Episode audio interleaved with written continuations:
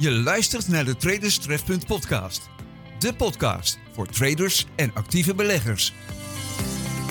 Hier is uw host Marcel van Vliet. Hey, hallo en leuk dat je weer luistert naar alweer de 18e aflevering van de Traders Trefpunt podcast. In deze aflevering ga ik het hebben over de getallenreeks van Fibonacci en waarom deze getallen zo'n grote rol spelen in de technische analyse en trading. En nu we het toch over technische analyse en trading hebben, het ProRealtime platform dat niet toevallig de sponsor is van deze show, biedt een heel scala aan Fibonacci tools waarmee je kunt experimenteren op het handelsplatform dat ze je gratis aanbieden. Klik op de afbeelding van ProRealtime in de show notes of op de homepage van de Traderstref.website website en je kunt je direct aanmelden. Ik gebruik zelf de gratis versie van het platform al ruim 10 jaar en ik kan je uit eigen ervaring vertellen dat het de moeite waard is. En Hollands als we zijn, het is helemaal gratis en voor niets, dus waarom niet? Maar nu snel naar de reacties op de vorige aflevering. Nou ja, snel, dat hoeft niet, want in de mailbox van info.traderstrefpunt bleef het deze keer erg stil. Waarschijnlijk ben ik erg duidelijk in mijn uitleg, want er was niet één vraag. Wel waren er mooie woorden voor Traders Trefpunt in de Facebookgroep Beleggen Nederland-België. Sjoerd, André, Leo en Kenneth, hartelijk dank. Jullie berichten waren een fijne opsteker. Wil je iets kwijt over Traders Trefpunt of over de podcast? Aarzel niet en stuur je mail naar info.traderstrefpunt.nl De Traders Trefpunt podcast met Marcel van Vliet. Voordat we met de Fibonacci-niveaus het diepe induiken, eerst wat achtergrondinformatie. Het begon allemaal in 1202. Wel leuk, want als je dat jaartal horizontaal spiegelt, staat er 2021. In 1202 dus verscheen het historisch en rekenkundig manuscript voor het boek Liber Abaci. Liber Abaci is in het Latijn vertaald het boek van de rekenkunde en is geschreven door ene Leonardo van Pisa. Deze Leonardo van Pisa zou veel later bekend worden onder de naam Fibonacci. Wat niet veel mensen weten, ik wist het in ieder geval niet voordat ik met de voorbereiding van deze podcast begon, is dat deze naam, of eigenlijk is het een bijnaam, vrij vertaald goedzak betekent. Fibonacci presenteerde in zijn manuscript een rekenkundige reeks van getallen waarvan het volgende getal steeds voorkomt uit de som van de voorgaande twee getallen. De twee getallen ervoor erbij opgeteld dus. De reeks begint met 0 en 1 en na de eerste twee getallen komt dus weer een 1 omdat 0 plus 1 1 is. Daarna volgt er een 2, want 1 plus 1 is 2. En het volgende getal in de reeks is 3, want je raadt het waarschijnlijk al, 1 plus 2 is 3. Op deze manier zou ik nog wel even door kunnen gaan, maar het gaat erom dat je snapt hoe de reeks werkt. De Fibonacci-ratio's ontstaan vanuit de reeks door het delen van een nummer door het volgende hoge nummer. Door bijvoorbeeld 34 te delen door 55 ontstaat het bekende 61,8% niveau. De meest door traders en actieve beleggers gebruikte niveaus zijn het 38,2% en het 61,8% niveau. Samen met het niveau van 50% dat weer geen Fibonacci-ratio is. Gelukkig hoef je niet zelf al dit rekenwerk te doen, want de meeste handelsplatformen, en zeker het ProRealtime platform, bieden deze tools aan in hun technische indicatorenpakket. Zoals gezegd presenteerde Fibonacci zijn wiskundige reeks in 1202. Maar het duurde nog tot de 19e eeuw voordat de reeks en de ratio's ook buiten het domein van de wiskunde werden erkend. Men gaf er ook maar gelijk een andere naam aan en noemde het de gulden snede. Men ontdekte dat de ratio's steeds weer terugkwamen in de natuur.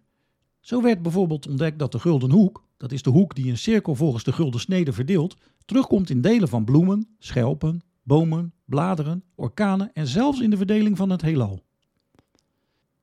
Ook in het menselijk lichaam komt de gulden snede terug. Zo is bijvoorbeeld de afstand van de grond tot aan je navel 61,8% van je totale lichaamslengte. De Vitruviusman van Leonardo da Vinci staat al even model voor ons lichaam. Nou, als ik zo eens in de spiegel kijk, dan geldt dat niet meer voor mijn lichaam. Dat is een van de redenen waarom ik liever geen video's maak, maar beter bij het podcasten kan blijven.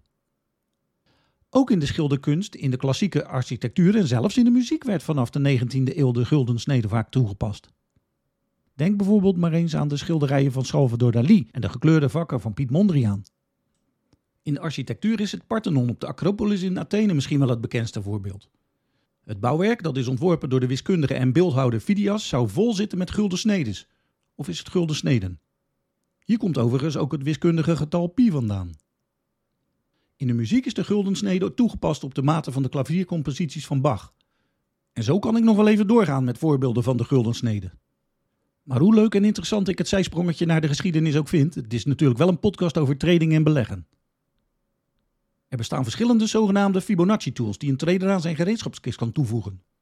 Al deze tools gaan uit van de cycliciteit van de koersontwikkeling, zoals ik die net aan de hand van de geschiedenis heb toegelicht.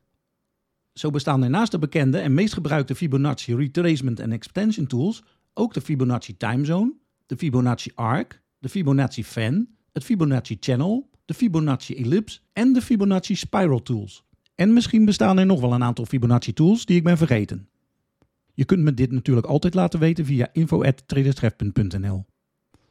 Uit onderzoek door de broker Links is gebleken dat de Fibonacci retracement tool op nummer 3 staat van de top 10 meest gebruikte technische indicatoren. Dat verklaart naar mijn mening dan ook gelijk waarom de indicator vaak werkt. Doordat vrijwel de meeste traders en actief beleggers de Fibonacci-tools over dezelfde punten op de grafiek uitzetten, komen de niveaus, of fib-levels zoals ze ook wel eens worden genoemd, op dezelfde koers. De niveaus worden dus door iedereen als steun- of weerstandniveaus geïnterpreteerd, waardoor een soort van self-fulfilling prophecy ontstaat. Maar als het werkt, dan werkt het. En daarom heb ik ook de Fibonacci Retracement en Extension Tools in mijn traders toolbox. Een mooi stuk gereedschap in je kist is natuurlijk hartstikke leuk, maar als je geen idee hebt wat je ermee moet, dan heb je er niet veel aan. Ik zal zo goed mogelijk proberen te omschrijven hoe ik de Fibonacci tools gebruik. En voor de luisteraars die wat meer visueel zijn ingesteld, zal ik in de show notes voor deze aflevering een afbeelding ervan plaatsen. Degenen die het gebruik van de Fibonacci tools helemaal goed onder de knie willen krijgen, doen er goed aan om het boek Fibonacci Analysis te lezen. Dat is geschreven door Constance Brown, de koningin van de Fibonacci-analyse. In het boek, dat in 2008 uitkwam, bespreekt zij het belang van de Fibonacci-tools voor de technische analyse, maar vooral ook hoe de tool het beste kan worden toegepast. Het eerste dat er moet gebeuren is om te bepalen of er op de grafiek een op- of neerwaartse trend zichtbaar is. Dit is bepalend voor hoe de Fibonacci-niveaus worden uitgezet. Om de Fibonacci-niveaus op je grafiek te kunnen tekenen, verbind je het hoogste en het laagste punt van de trend op de grafiek. Simpel gezegd kijk je hiervoor op de grafiek naar de laatste poot van belang. Dit kan natuurlijk zowel een op- als een neerwaartse beweging van de koers zijn. Zodra het hoogste en het laagste punt zijn gevonden, worden deze met de tool met elkaar verbonden. Als de koersbeweging opwaarts was, dan begin je met het tekenen op het laagste punt. En als de koersbeweging neerwaarts was, dan begin je met het tekenen vanaf het hoogste punt. Op de grafiek zie je dan de Fibonacci-niveaus gelijk verschijnen. Traders en technische analisten interpreteren de Fibonacci-niveaus als steun- en weerstandniveaus en afhankelijk van wat de strategie is, maken ze er dankbaar gebruik van. De Traderstrefpunt podcast met Marcel van Vliet. In deze aflevering vertelde ik je wat over Fibonacci-niveaus en de tools om deze niveaus in je voordeel te kunnen gebruiken. Ik zou het zeker aanraden om het boek van Constance Brown eens te bestuderen als je het fijne van deze top 3 tool wilt weten. Heb je nog vragen over de Fibonacci-tools of over de Traderstrefpunt website of over deze podcast? Stuur je mail dan naar info@traderstrefpunt.nl. Zoals ik in de nieuwsbrief van november heb beloofd, bespreek ik in de volgende aflevering de ins en outs van de two-band daytrading strategie, die ik met medewerking van ProRealTime al twee maanden aan het backtesten en live aan het testen ben. Dus als je geïnteresseerd bent in daytrading en het proces om een goed werkende strategie te bouwen, dan kan deze aflevering zeker wat aan je kennisniveau toevoegen. Voor nu, hartelijk dank voor het luisteren en ProRealTime weer bedankt voor het mogelijk maken van deze show. Dit was het weer voor deze aflevering. De groeten uit Rotterdam en omstreken en graag tot de volgende keer.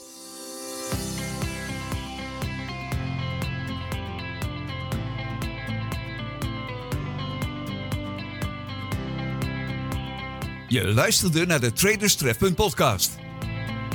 Kijk wat Traders Trefpunt voor jouw reis naar succes op de financiële markten kan betekenen op traderstrefpunt.nl.